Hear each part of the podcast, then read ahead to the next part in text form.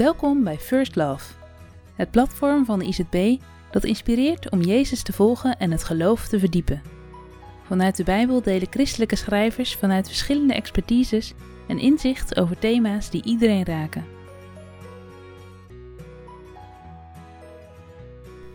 Deze bijdrage gaat over openheid dankzij twijfel en is geschreven door Els van Dijk.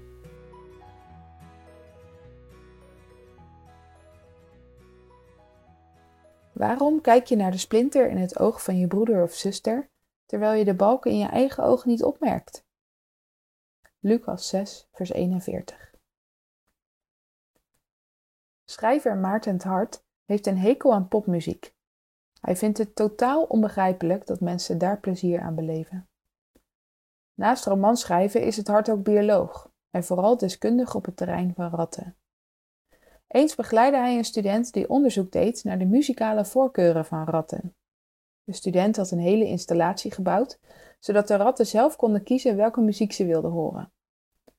En wat gebeurde er? Maarten schrijft: Die popmuziek ging dus meteen uit.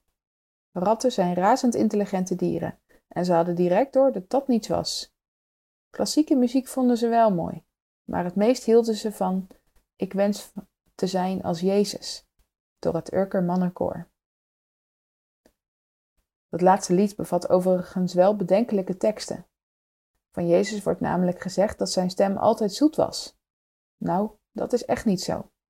Hij opereert juist heel vaak op het scherpst van de snede en stelt regelmatig vlijmscherpe vragen. Waarom zie je wel de splinter in het oog van je broeder, maar merk je de balk in je eigen oog niet op? Wie van jullie kan door bezorgde zijn één L aan zijn lengte toevoegen? Waarom ben je angstig, kleingelovige? En waarom overleg je verkeerde dingen in je hart?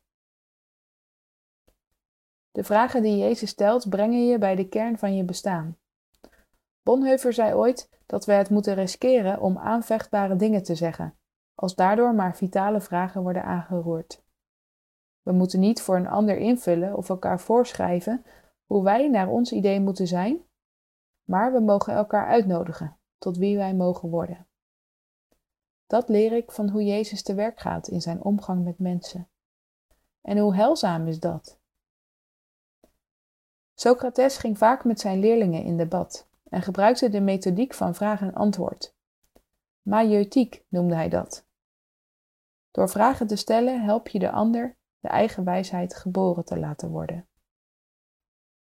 Met zijn vragen zaaide Socrates twijfel, niet om de leerling onzeker te maken, maar om hem te prikkelen in de zoektocht naar wat waar is en om grenzen in het denken over wat belangrijk is in het leven te verleggen.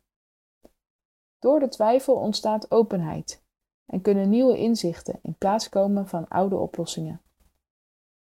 Gods pedagogiek blijkt vaak maieutiek te zijn.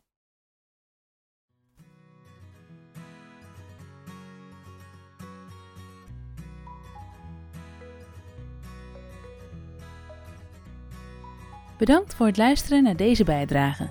Voel je vrij om deze te delen met anderen. Ben je benieuwd naar andere artikelen van First Love? Kijk dan op www.firstlove.nl of download de ICB Connect app voor nog meer inhoud.